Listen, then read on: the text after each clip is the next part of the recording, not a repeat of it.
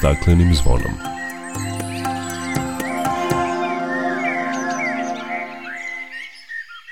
Dobar dan, dobrodošli na Zeleni talas prvog programa radija Radio Televizije Vojvodine. Ja sam Dragana Ratković. U revidiranom nacionalnom utvrđenom doprinosu Srbija je povećala svoje klimatske ambicije za tri puta. U ostvarivanju tih ciljeva sigurno će doprineti veće korišćenje obnovljivih izvora energije.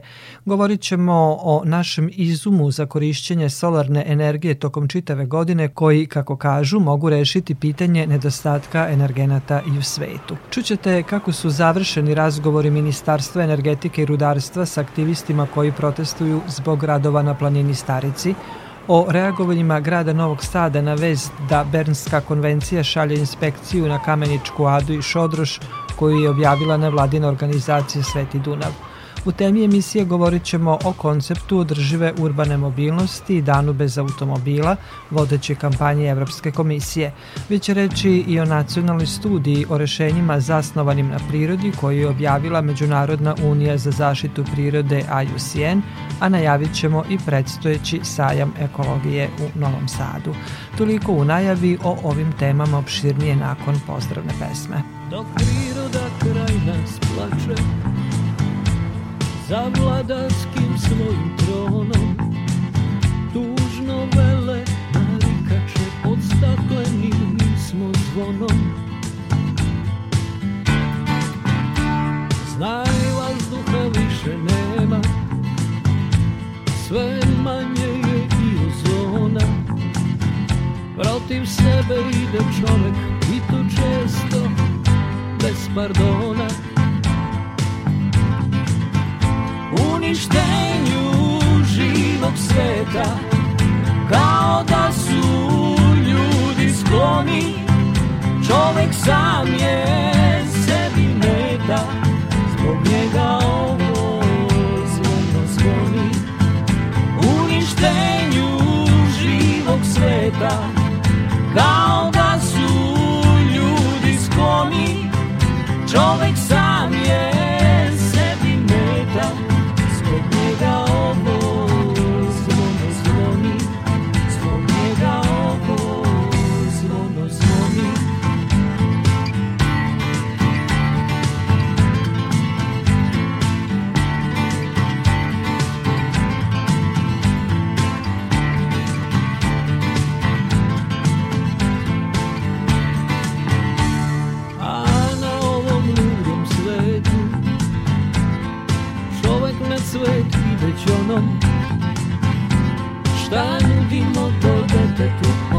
zapleli kad smo zvonom.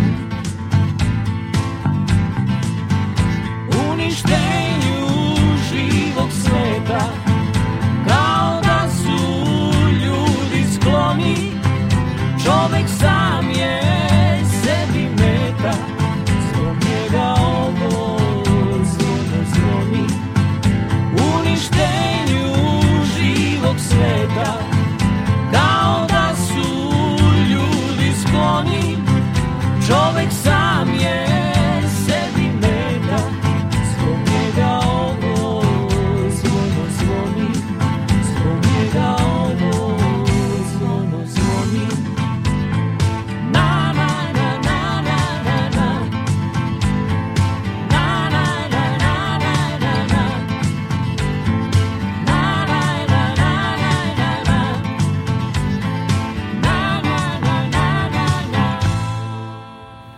Vlada Srbije usvojila je revidirani nacionalni utvrđeni doprinos u kojem je Srbija povećala svoje klimatske ambicije za tri puta.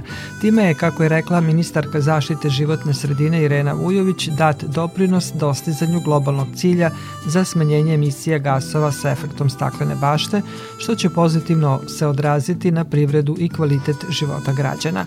Naša nova klimatska ambicija je da smanjimo emisiju gasova sa efektom staklene bašte za 33 2,3% do 2030. godine u odnosu na 1990.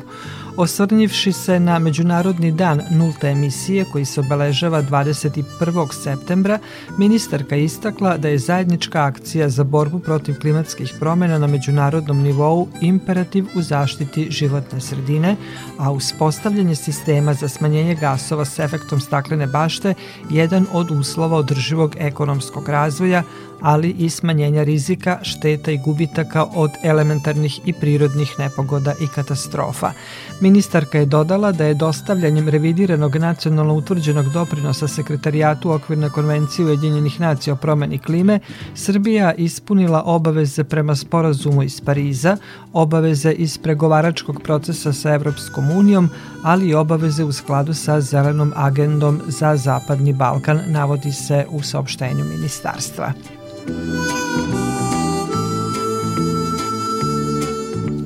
Ono što će dovesti do smanjenja emisija gasova sa efektom staklene bašte je i veće korišćenje energije iz obnovljivih izvora. Naime, profesor Vladan Petrović patentirao je solarno postrojenje koje skuplja i skladišti sunčevu energiju koje može da proizvodi struju i toplotnu energiju. Za njegov izum zainteresovane su i mnoge evropske zemlje. O tome Ana Rebić. Još 2011. godine profesor Vladan Petrović je u svom rodnom selu Badnjevac kod Kragujevca napravio postrojenje koje putem ogledala od aluminijuma prateći kretanje sunca upija solarnu energiju koncentrišući je u absorber koji odlazi direktno u akumulator koji je izoliran bazaltnim kamenom te se na taj način dobija energija koja može da se drži nekoliko meseci. Mi danas jedini u svetu možemo da akumuliramo 550 kWh po kubnom metru na 1000 stepeni i mi tu energiju možemo da držimo, na primjer, šest meseci sa 2% gubitaka. Nemci imaju ovaj želju da mi Evropsku uniju praktično celu eh, sa ovim sistemom grejemo. Moja je želja potencijal da se nastanu 100 firma u Srbiji koji će da vladaju ovu tehnologiju. Ja bih ih obučio bez ikakve nadoknade i da nastanu jedno 100 inženjering firme. Srbija to mora da iskoristi i da bude poznata na svetskom tržištu sa jednom tehnologijom da rešava energetiku. Profesor Vladan Petrović za svojih 80 godina zvanično je objavio 55 naučnih radova i prijavio 38 patenata. Solarna energija predstavlja za njega budućnost novih tehnologija, a sam sistem koji je osmislio košta bi jeftinije od postojećih možete na 1000 stepeni da grejete. I onda se to dimenzioniše fino da možete kuću da grejete, znači preko, ako, ako grejete 2500 sati, od novembra, od oktobra meseca, recimo do aprila meseca iduće godine, 2000 sati, 2500 sati, na primjer, vi tačno imate za grejanje kuće. I to može masovno da se uradi, ne samo u Srbiji, u celom svetu. Ali bilo bi dobro da tehnologija potekne iz Srbije. Poznat u svetskim naučnim krugovima, Vladan Petrović je 8. jula u Portugalu na predlog fonda Cimir Puri dobio najvišu nagradu za naučni doprinos u 2022. godini. I onda smo imao i tu čast da potpišemo prvi ugovor za izradu prvog pilotskog postrojenja ovaj, iz solarne energije, da pokažemo kako može da se dobiva električna energija 365 dana puta 24 sata iz solarne energije. Naučnik iz Šumadije osmislio je jednu tehnologiju koja može da reši na svetskom nivou pitanje energetike. Patriota po prirodi Vladan se nada da će pored svetskog interesovanja zanimanje za njegov revolucionarni izum imati i država Srbija kojoj bi rado ostavio svoje znanje i izume.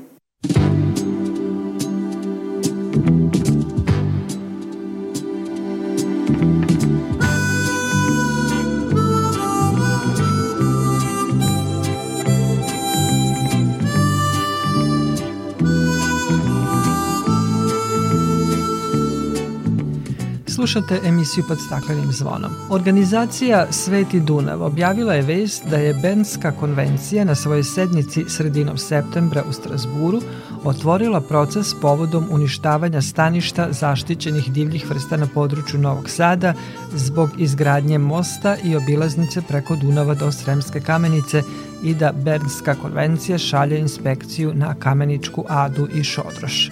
Na ovu vest reagovao je i grad Novi Sad. U saopštenju se kaže da su predstavnici nevladine organizacije Sveti Dunav obmanuli javnost zloupotrebljavajući međunarodne institucije i konvenciju čiji je Srbija potpisnik.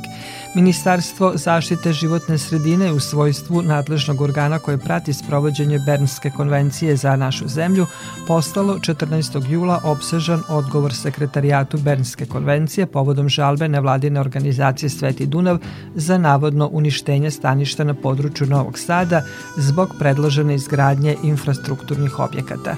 Odgovor je obuhvatio izjašnjenje nadležnih organa i organizacija na republičkom, regionalnom i lokalnom nivou, iz čega se jasno može vidjeti da nije prekršena ni jedna potpisana konvencija i deklaracija i da je postupak urađen u skladu sa procedurom dostavljanja odgovora sekretarijatu Bernske konvencije. U zvaničnom obaveštenju sekretarijata Bernske konvencije koje je stiglo na adresu ministarstva navedeno je da se odluka biroa po tom pitanju može očekivati početkom oktobra i da će biti dostavljena obema stranama i Ministarstvu zaštite životne sredine i podnosiocu zahteva nevladinoj organizaciji Sveti Dunav. Iz svega navedenog jasno je da su navodi o najavljenom dolasku inspekcije Bernske konvencije na Kameničku Adu i Šodroš poznati samo pojedincima koji su takvu informaciju dostavili medijima i koji očigledno pokušavaju da samo inicijativno kreiraju proceduru Biroa Bernske konvencije, ne poštujući pritom ni Međunarodnu konvenciju o očuvanju evropske divlje flore i faune i prirodnih staništa koje je potvrdila Republika Srbija, ali ni međunarodne institucije koje se staraju o njenom sprovođenju, kaže se u saopštenju grada Novog Sada.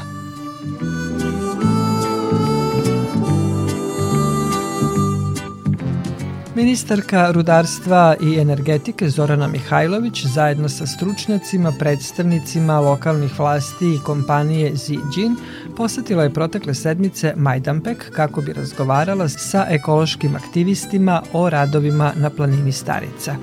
Grupa zabrinutih građana više od tri meseca kampuje na planini tvrdeći da kineska kompanija minira i eksploatiše bedeme dok nadležni ponavljaju da je reč o sanaciji stenske mase. Opširnije Milijana Kočić. Narodni poslanici i članovi Skupštinskog odbora za zaštitu životne sredine, predsednik opštine Majdanpek, predstavnici kompanije Ziđin, direktor Instituta za rudarstvo i metalurgiju, projektanti koji su radili na tehničkoj dokumentaciji za sanaciju stene, kao i profesori sa Rudarsko-geološkog fakulteta u Beogradu i Tehničkog fakulteta u Boru, pokušali su posjetom Majdanpeku da objasne građanima da je reč o sanaciji neophodnoj radi bezbednosti meštana. Odgovarajući na pitanja novinara i aktivista koji više sedmica protestuju, kampujući na samoj planini, ministarka Zorana Mihajlović istakla je da su činjenice i mišljenje stručnjaka jedini argumenti za razgovore o toj temi i da radovi, kako kaže, nisu ničiji hir, već su neophodni zbog bezbednosti. Sve što se radi, radi se u skladu sa zakonom, sve što se radi, radi se u skladu sa projektno-tehničkom dokumentacijom, sve što se radi, radi se po nalogu inspekcije i sve je javno i ništa nije tajno i sve što se radi na, stanici, na starici zove se samo i jedino isključivo sanacija radi bezbednosti, tu kompromisa nema. Naravno da niko ne želi da rudarenje za, zatvori, nego jednostavno želimo da ono bude održivo i da svima donosi korist. I državi, dakle i ljudima koji ovde rade. 1524 čoveka, mislim da iz Majdanpeka radi ovde, na, ovom kopu, u celom dakle Ziđinu, gde nije samo Kines, Kina, odnosno Ziđin vlasnik, nego je Srbija vlasnik 37%. Odbornice Skupštine opštine Majdanpek Irena Barbulović i Snežana Todorović kažu da ni nakon posete ministarke nisu dobile dovoljno odgovora o radovima na Starici. Nemamo nikakve informacije o tome ko je radio projekat. Mi smo uporni u tome da dobijemo informacije o prostornom planu, projektu i granicama rudnika. Znači, ne samo zbog ovog našeg delovanja, aktivizma, borbe da sačuvamo grad, građani imaju pravo da znaju šta se planira, šta se radi i šta se preduzima. Zbog nepoverenja meštana, pojedinih odbornika i ekoloških aktivista prema kompaniji Ziđin, ministarka predlaže transparentniji rad kineskih partnera organizovanjem takozvanih dana otvorenih vrata. Opština ima svoj zadatak, policija ima takođe zadatak i dužna je da informiše sve, a dodatno, dakle, zahtev Ziđinu će biti da napravi da li to infopult ili dan otvornih vrata kako god hoće. Dakle, da daju sve informacije koje su potrebne. Ministarka napominje da je za manje od dve godine u kompaniji Zijin bilo više od 50 inspekcijskih nadzora.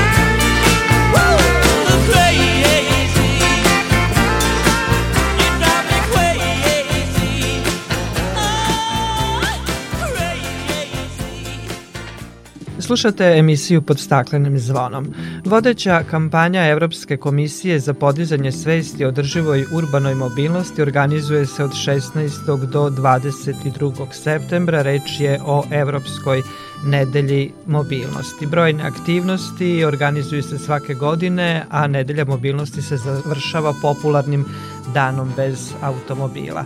Stalna konferencija gradova i opština već nekoliko godina organizuje obeležavanje 22. septembra, Svetski dan bez automobila. Tim povodom sa nama Klara Danilović, nacionalna koordinatorka za Srbiju i predstavnica Stalne konferencije gradova i opština.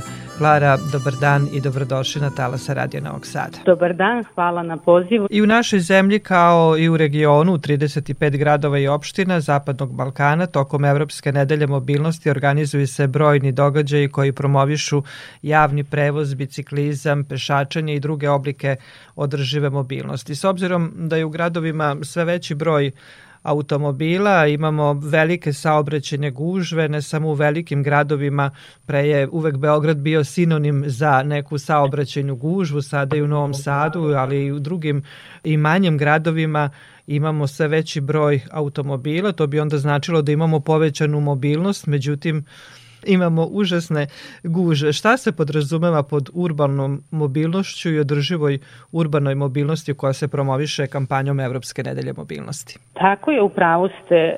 Problem saobraćaja pojavio se u evropskim gradovima mnogo ranije nego kod nas i potreba da se deluje u tom pravcu, da se na neki način minimizira automobilski saobraćaj koji je očigledno preuzeo primat na, na našim ulicama i stvara velike probleme ne samo u zagušenju ulica, već i u zagađenju vazduha i prekomernoj buci doveo do toga da gradovi i opštine u Evropi počnu da održivo planiraju saobraćaj. Šta to znači? Održivo planiranje saobraćaja podrazumeva da se podjednako tretiraju sve vrste saobraćaja, ne samo motorizovani saobraćaj, dakle automobilski, već i drugi aktivni vidovi kretanja koji mogu zameniti automobilski saobraćaj makar na nekim kratkim relacijama. U tom smislu održiva urbana mobilnost e, je koncept koji podrazumeva da se građanima omogući kvalitetna alternativa za automobil. U tom smislu favorizuju se pešačka kretanja, kretanja biciklima, javni prevoz, ali i drugi savremeni metodi kao što su neke vrste deljenja vožnji, deljenja automobila, usluge u oblasti saobraćaja i slično. Pomenuli ste neke posledice koje imamo zbog e, većeg broja automobila na našim ulicama, to je zagađenje vazduha i buka. Znamo da je saobraćaj jedan od glavnih uzročnika zagađenja vazduha kod nas. Upravo ova Evropska nedelja mobilnosti jeste, kako kažu, e, deo nekog dugoročnog plana da se dođe do zone bez emisije štetnih gasova. Kada govorimo o našoj zemlji, kakve su mogućnosti da razvijamo tu održivu urbanu mobilnost? Mogućnosti su velike, a mi smo tek na početcima. Koncept održive urbane mobilnosti je za naše gradove do pre neku godinu bio potpuno nov. Međutim, sada se i kod nas polako preuzima i nama je jako drago što polako raste broj gradova koji zaista ozbiljno preuzimaju ovaj koncept i počinju da planiraju saobraćaj na ovaj drugačiji, da kažem, inovativni, održivi način. Mi imamo nekoliko primera gradova u, u Srbiji koji polako kreću tim putem. Naravno, oni uglavnom preuzimaju pozitivna iskustva iz gradova u okruženju i u Evropi. Ta rešenja u drugim gradovima već postoje i mogu se videti na koji način su zaživela. Ona se u velikoj meri zasnivaju i na promeni obrazaca ponašanja, na promeni navika kod građana i onda ove kampanje kao što je ova upravo imaju za cilj da na neki način promovišu koje to vidove kretanja možemo koristiti i na koji način, kako ulice možemo koristiti na drugačiji način. Kampanja je zamišljena tako da upravo gradovima omogući da testiraju neka nova rešenja koje su možda planirali za ulice u, svojim gradovima i da na taj način pozovu građane da daju svoje mišljenje o tome kako bi im se činila ta rešenja, da li bi bila prihvatljiva ili ne. Ove godine Evropska zelena prestonica Evrope je Grenoble, Oni su mnogo radili na održivoj urbanoj mobilnosti, povećali su broj biciklista, negde oko 10.000 biciklova imaju za iznajmljivanje. Na taj način su smanjili emisije gasova staklene bašte u svom gradu s obzirom da imaju geografski položaj takav da su okruženi planinama i tako dalje. To je jedan dobar primer kako organizovati saobraćaj u svom gradu. A da li mi imamo neki dobar primer ovde i da li neko od naših gradova je uradio nešto više na tom polju? Jeste, naveli ste zanimljiv primer. Suština jeste u tome da moramo krenuti od toga sa kojim podacima e, raspolažemo upravo da bismo mogli da, da prikažemo rezultate ukoliko do njih dođe. Ali bitno je, kao što ste i rekli, da se prati promena koja nastaje uvođenjem nekih e, novih mera. E, kod nas je e, jedan od prvih gradova koji je primenio e, koncept održive urbane mobilnosti i usvojio plan održive urbane mobilnosti grad Kruševac. To je grad srednje veličine za koga možda i ne bismo očekivali da će biti vodeći u toj oblasti, ali se ispostavilo da su napori koje je gradska uprava ulagala upravo u ovoj oblasti prepoznati i oni su čak i dobili 2019. nagradu za najbolje organizovanu Evropsku nedelju mobilnosti koja je podrazumevala ne samo naravno organizaciju manifestacije, već i pohvalu za sve trajne mere koje su urađene tokom prethodnih godina, a koje su upravo imale za cilj unapređenje infrastrukture za bicikliste, za pešake, napređenje javnih prostora, zatim unapređenje pristupačnosti. Ja uvek e, volim da skrenem pažnju da je između ostalog održiva urbana mobilnost podrazumeva i unapređenje pristupačnosti za sve kategorije, posebno za osobe sa invaliditetom, odnosno osobe koje imaju teškoće u svakodnevnom kretanju. E, gradovi su dužni da svoje ulice saobraćene površine, javne površine prilagode osobama sa invaliditetom i tako svima omoguće jednak pristup svim sadržajima. Pomenuli ste plan održive urbane mobilnosti. Koliko gradova naših ima taj plan i da li ga uopšte primenjuje? Broj gradova koji su usvojili plan održive urbane mobilnosti za našu zemlju još uvek je relativno mali, znači radi se o nekim jednocifrenim e, brojevima, međutim ono što nas ohrabruje to da interesovanje za ovu temu raste.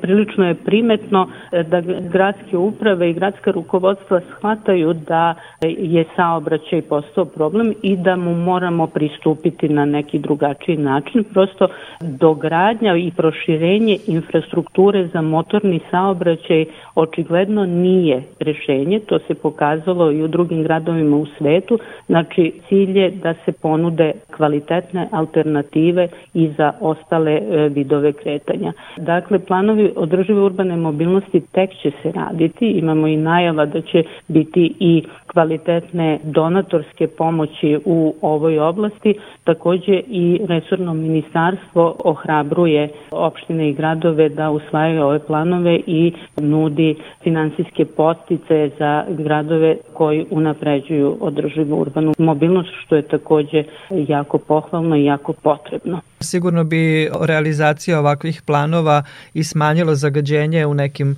gradovima koji imaju problem sa kvalitetom vazduha. Dakle, promocija zdravijeg i čistijeg prevoza bez emisije štetnih gasova tokom čitave ove nedelje, ali možda ne samo 22. septembra da idemo da li pešice, biciklom ili javnim prevozom da odemo na posao, nego bi to mogli možda da činimo i češće. Svakako to je stvar izbora, ali kao što sam rekla, ukoliko imamo kvalitetnu alternativu, lakše ćemo napraviti kvalitetni izbor za sebe. Hvala vam lepo za razgovor i učešću u programu Radio Novog Sada. Hvala i vama. Gošća programa Radio Novog Sada bila je nacionalna koordinatorka za Srbiju i predstavnica stalne konferencije gradova i opština Klara Danilović.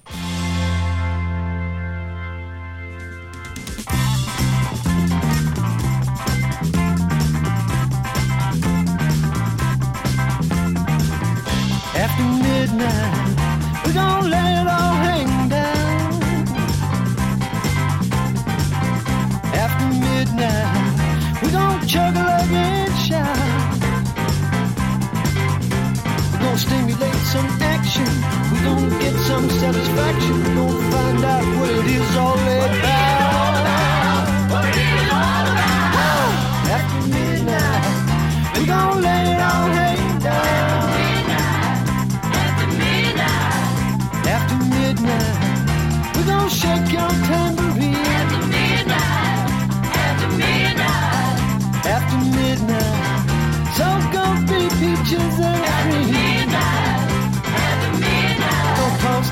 And suspicion. We gon' give an exhibition. We gon' find out what it is all about. What it is all about. What it is all about. After midnight, we gon' let it all hang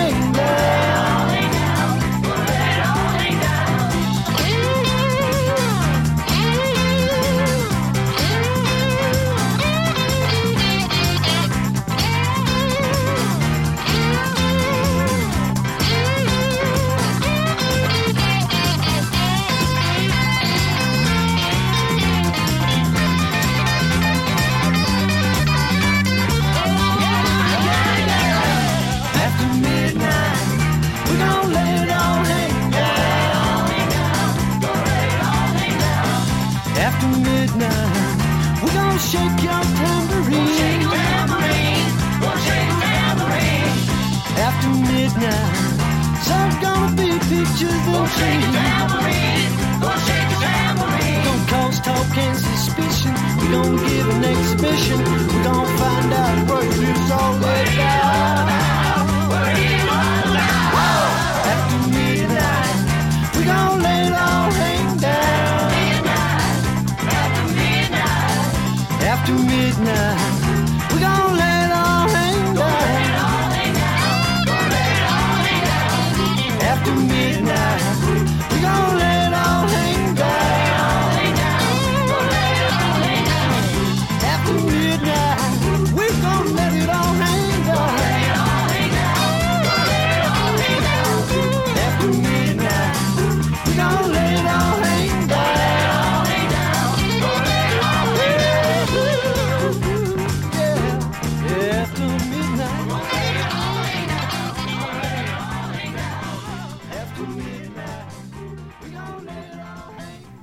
Slušate emisiju pod staklenim zvonom.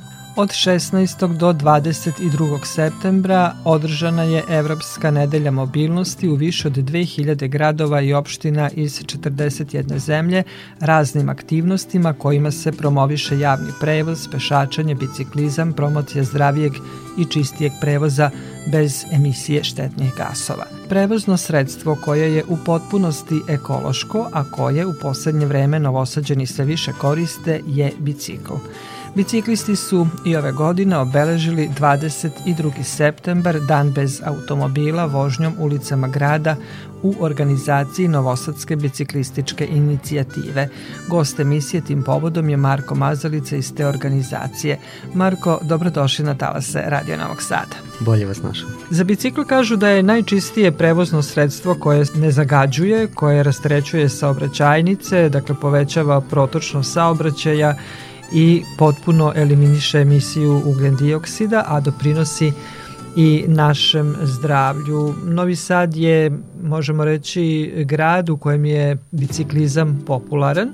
Iz godinu u godinu imamo sve više biciklista, do pre nekih možda 15 e, godina biciklisti su činili 2 do 3% učesnika u novosadskom saobraćaju, a sada kažu negde oko 10% da i broj iz godine u godinu raste. Zato ste dobrim delom, kažu, zaslužni i vi iz Novosadske biciklističke inicijative, jer ste uticali i na popularizaciju biciklizma, ali i skretali pažnju na probleme koje biciklisti imaju u našem gradu. Pa tako je, Novosadska biciklistička inicijativa još od svog osnivanja, od 2011. godine, aktivno sprovodi mnogobrojne događaje i aktivnosti u gradu na popularizaciji bicikla kao ekološki prihvatljivog, najčistijeg i zdravog e, prevoznog e, sredstva.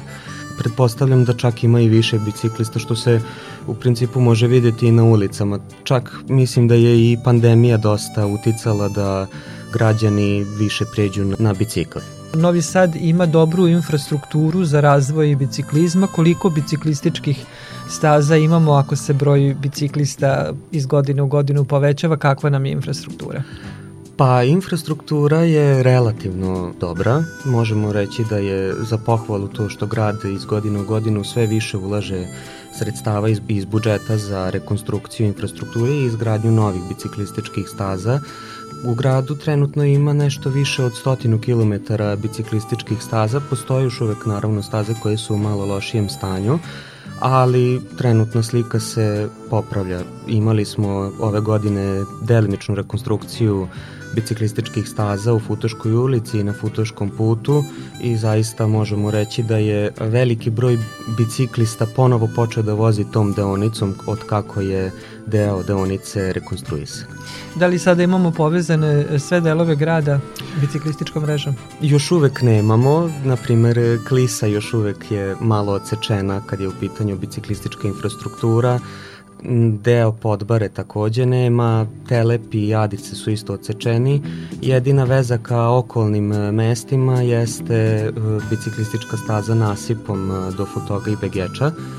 Ima deo biciklističke staze od Futoga do Begeča. Ove godine se planira da se spoji Futog i Novi Sad. Kao ostalim prigradskim mestima nema biciklističke infrastrukture, ali se nadamo da će u skorije vreme biti. U planu je izgradnja biciklističke staze koja će povezati, na primer, Rumenku, Kisač i Stepanovićevo, nasipom uz kanal Dunav-Tisa-Dunava.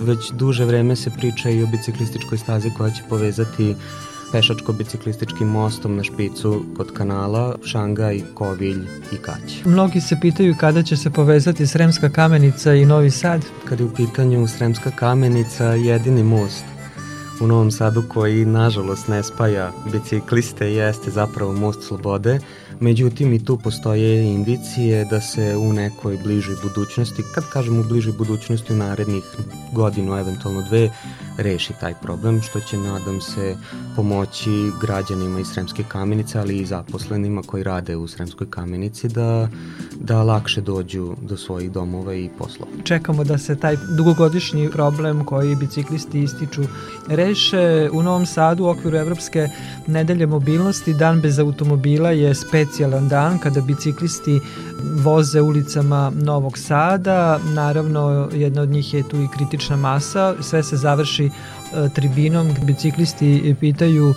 grad koja se organizuje svake godine povodom e, dana bez automobila. Šta najčešće pitaju pitaju građani? Koji problemi najčešće mušće? Pa iz godine u godinu je taj most slobode glavna tema, to se uvek provuče kroz tribinu.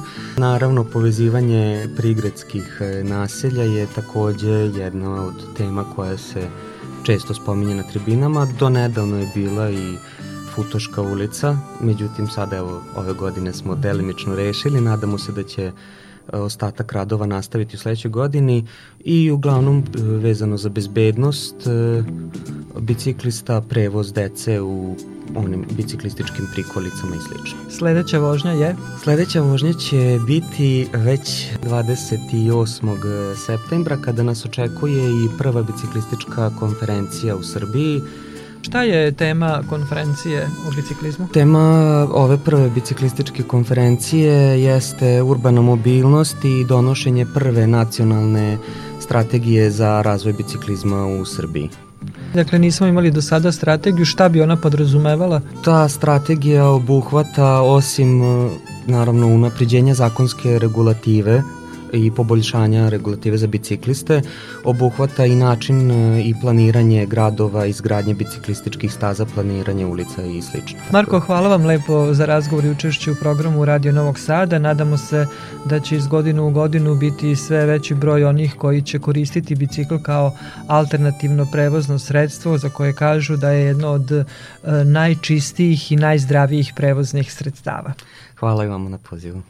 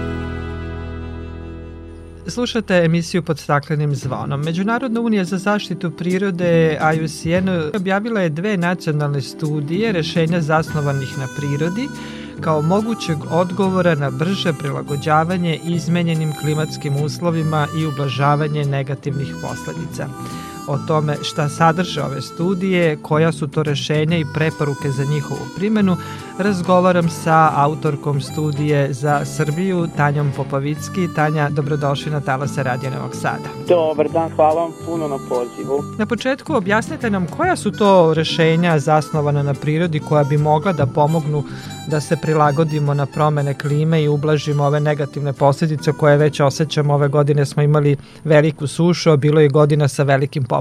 Pa da, upravo ste, ovaj, negde, mislim da još uvek svi pamtimo 2014. i tad nas je ta poplava baš onako nekako zatekla i iznenadila, pa se dosta pričalo, ako sećate u javnosti, i o kanalima i o načinima kako se održavaju ti neki sistemi za zaštitu, prevenciju odbranu od poplava. Mislim da je negde ova vrsta, kako da kažem, mi smo ih nazvali rešenja zasnovana na prirodi. O, ne znam koliko je to najsrećniji prevod, u originalu je to Nature-Based Solution i to onako malo rogobatno zvuči, ali to je upravo način kako da iskoristimo postojeće recimo kapacitete ekosistema i nešto što nam priroda sama po sebi omogućava kako bismo neke stvari prevenirali, a jedna od tih stvari jesu upravo poplave. Znači jedna od stvari koju je moguće e, da kažem regulisati, uraditi bolju vrstu prevencije i iskoristiti na primer postojeći kapacitet zemljišta za upijanje vode. To je posebno slučaj za Vojvodinu i za velike reke i za priobalna područja koja već upijaju vodu. Mi možemo, kako kažem, malo da pomognemo tim ekosistemima nekim intervencijama i da onda kada ponovo dođemo u situaciju da imamo nepredviđene ili poplavne talase ili velike kiše, velike vode i sve ostalo, da priroda sarađuje sa nama, a ne da nam bude neprijatelj. Eto, to je recimo jedan od primjera, jedan od načina. Nešto što možda gledamo u tom smislu jeste Obecka bara, recimo u Vojvodini, koja, za koju je već dosta stvari urađeno, slična močvarna područja kojih recimo u Srbiji ima baš dosta, posebno u Vojvodini. Ja imam podatak da je 130.000 hektara Srbije pripada recimo zaštićenim međunarodno priznatim močvarnim područjima, to je skoro 1,5% teritorije, tako da to su stvari površine koje mogu da se koriste i da se na neki način prilagode pospeši njihova već prirodni kapacitet za upijanje vode da nam služe i u slučaju ovih klimatskih uslova koji nam posle, koje na taj način sprečavamo ili zaustavljamo. Rekli smo na početku dve studije je mhm. objavila Međunarodna unija za zaštitu prirode za Srbiju i Bosnu i Hercegovinu. Vi ste autorka studije za uh, Srbiju. Šta sadrže ove studije, koje preporuke, kako unaprediti i prilagoditi se klimatskim promenama i mhm. smanjiti taj rizik od katastrofa? Ta studija je nastajala neko vreme, ovo je dosta nov koncept rešenja zasnovih na prirodi. Naravno, postoji nekoliko tu, jel da kažemo, koraka koje je neophodno raditi. Prvo je potrebno da se negde prepozna ovo kao jedan od pristupa kojih ne treba da se plašimo i koji ne znači da će to da zameni postojeću infrastrukturu, znate, mi ćemo uvek morati da stavljamo negde i beton i kamen i sve ostalo, ali kad možemo da iskoristimo da to bude prirodna prepreka ili da prirodno pomognemo, u stvari ova, ova vrsta intervencija zagovara ta, taj pristup.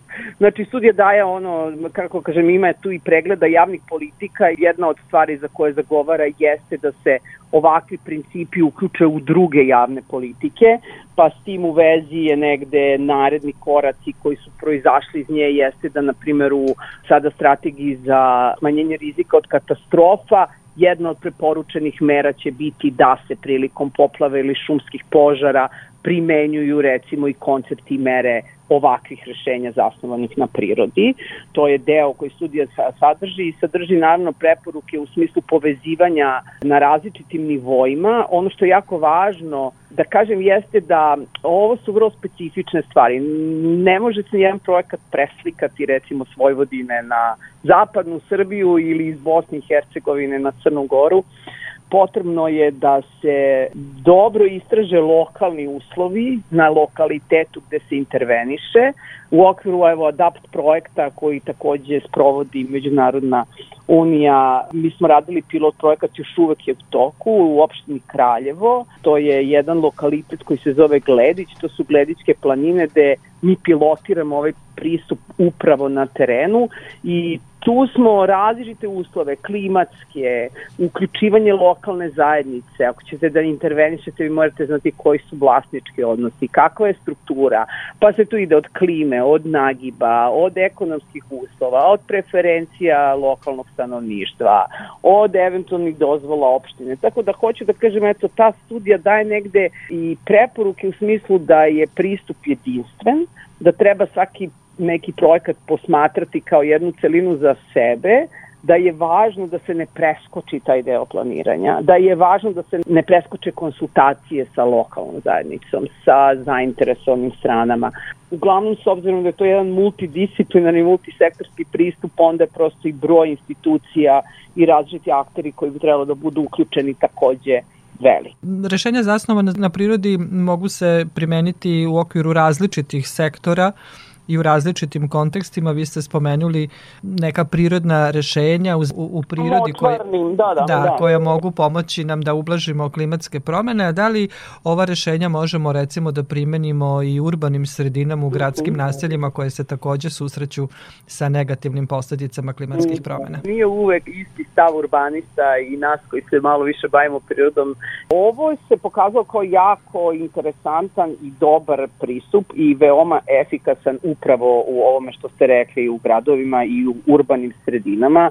Prema strategiji urbanog razvoja od 2000. do 2013 godine skoro 1,15% teritorije Srbije je izvršena prenamena zemljišta. Znači mi imamo intenzivno kako da kažem, intenzivnu urbanizaciju, mislim tome naravno ovaj, svi svedočimo na dnevnoj bazi, ali imamo i intenzivnu konverziju poljoprivrednog i šumskog zemljišta u građevinsko zemljište, to naravno dovodi do smanjenja tih zelenih zona u gradovima, neke od stvari koje mogu da koje pripadaju rešenjima prirodi kako kaže mogu da se podvedu pod ovaj koncept jesu upravo mere zelene infrastrukture. To su zeleni krovi, to su zeleni vidovi koje vidimo, pojasevi, linijski parkovi i različite vrste, kako da kažem, zelenila koje utiču na to da se smanje efekti ovih urbanih toplotnih ostrva, da recimo kada dolazi do velikih kiša u gradovima da se omogući da ti viškovi vode nekako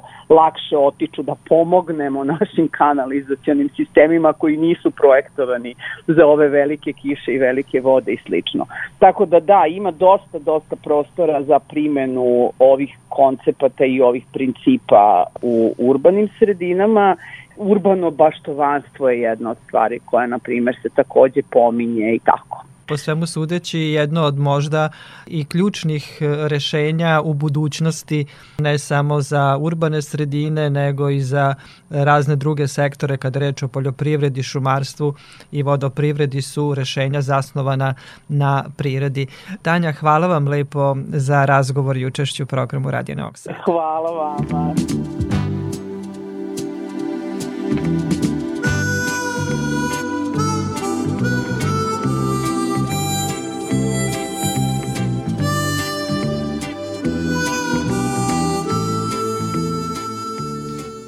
Slušate emisiju pod staklenim zvonom.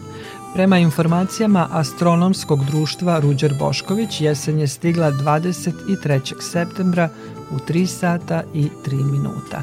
U rasadniku gradskog zelenila u toku je priprema cveća za jesenju sadnju. Tokom jeseni će biti posađeno 74.000 sadnica i 44.500 lukovica, lala raznih boja šafrana i narcisa a na Novosadskom sajmu počinju jesenje manifestacije. Od 28. septembra do 2. oktobra biće održani Međunarodni sajam lova i ribolova i sajam ekologije. Te priredbe će prema najavi organizatora okupiti stotinak izlagača iz naše zemlje Mađarske, Bosne i Hercegovine i Austrije, među njima i brojne ekološke organizacije i ustanove zadužene za zaštitu životne sredine. Pojedinosti Đuro Vukelić. U centru pažnje ovogodišnjeg sajma ekologije biće podizanje svesti o primarnoj selekciji otpada – Na tom zadatku naći će se Pokrajinski sekretarijat za urbanizam i zaštitu životne sredine, Pokrajinski zavod za zaštitu prirode, Gradsko zelenilo, Škola za osnovno i srednje obrazovanje Milan Petrović, kao i razna udruženja poput Čepom do osmeha i inženjera zaštite životne sredine.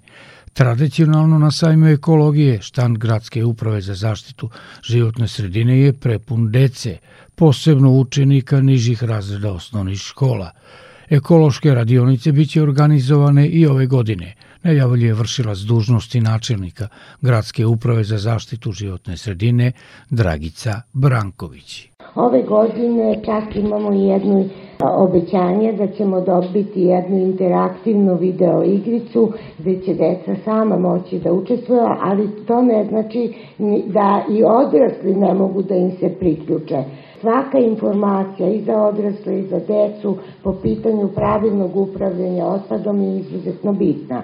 Mi ćemo decu koja budu na našem sraštandu voziti do reciklažnog ostrva i objašnjavati im kako pravilno da postupaju i kako pravilno da odlažu u određene kontejnere određeni otpad. Pomenuto reciklažno ostrovo biće postavljeno u blizini teretnog 1 ulaza Novosadskog sajma. Skupljaće se otpadno jestivo ulje, stari papir, staklo, pet ambalaža i čepovi, a revnosni skupljači biće nagrađeni sajamskim ulaznicama i prigornim poklonima firmi koje recikliraju otpad. Tokom sajma ekologije biće organizovano i niz stručnih skupova, između ostalog o monitoringu nepoljoprivrednog zemljišta, konceptu razvoja i uspostavljanju sistema sanitarne deponije u Vojvodini, zaštiti vazduha i monitoringu životne sredine – Gradska uprava za zaštitu životne sredine će na posebnoj konferenciji predstaviti istraživačke i razvojne projekte iz oblasti upravljanja otpadom, ali i savete za podizanje energetske efikasnosti, dodaje Brankovićeva. Imajući u vidu sad da je u toku javni pozivi za građane za unapređenje energetske efikasnosti i podršku grada. Biće i na štandu moguće dobiti određene informacije povodom toga. Posetioce sajma ekologije da kako u izlagačkom delu očekuju organski poljoprivredni i proizvodi od recikliranog materijala, lukovice i seme od cveća, sadni materijal, lekovito bilje, čajevi i biljni preparati.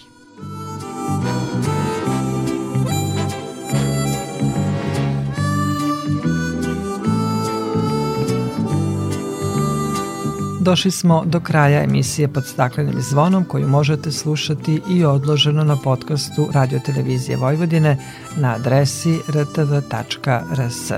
Na pažnji vam zahvaljuju Violeta Marković, Zoran Gajinov i Dragana Ratković. Naredni susret zakazujemo za sedam dana u isto vreme na zelenom talasu prvog programa radija Radio Televizije Vojvodine.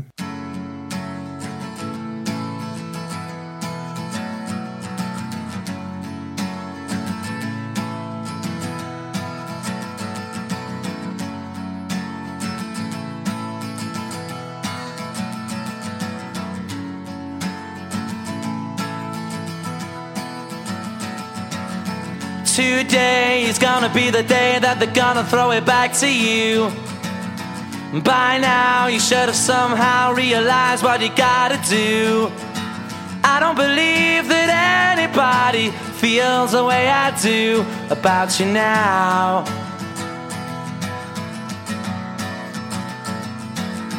Backbeat, the word is on the street that the fire in your heart is out. I'm sure you've heard it all before, but you never really had a doubt.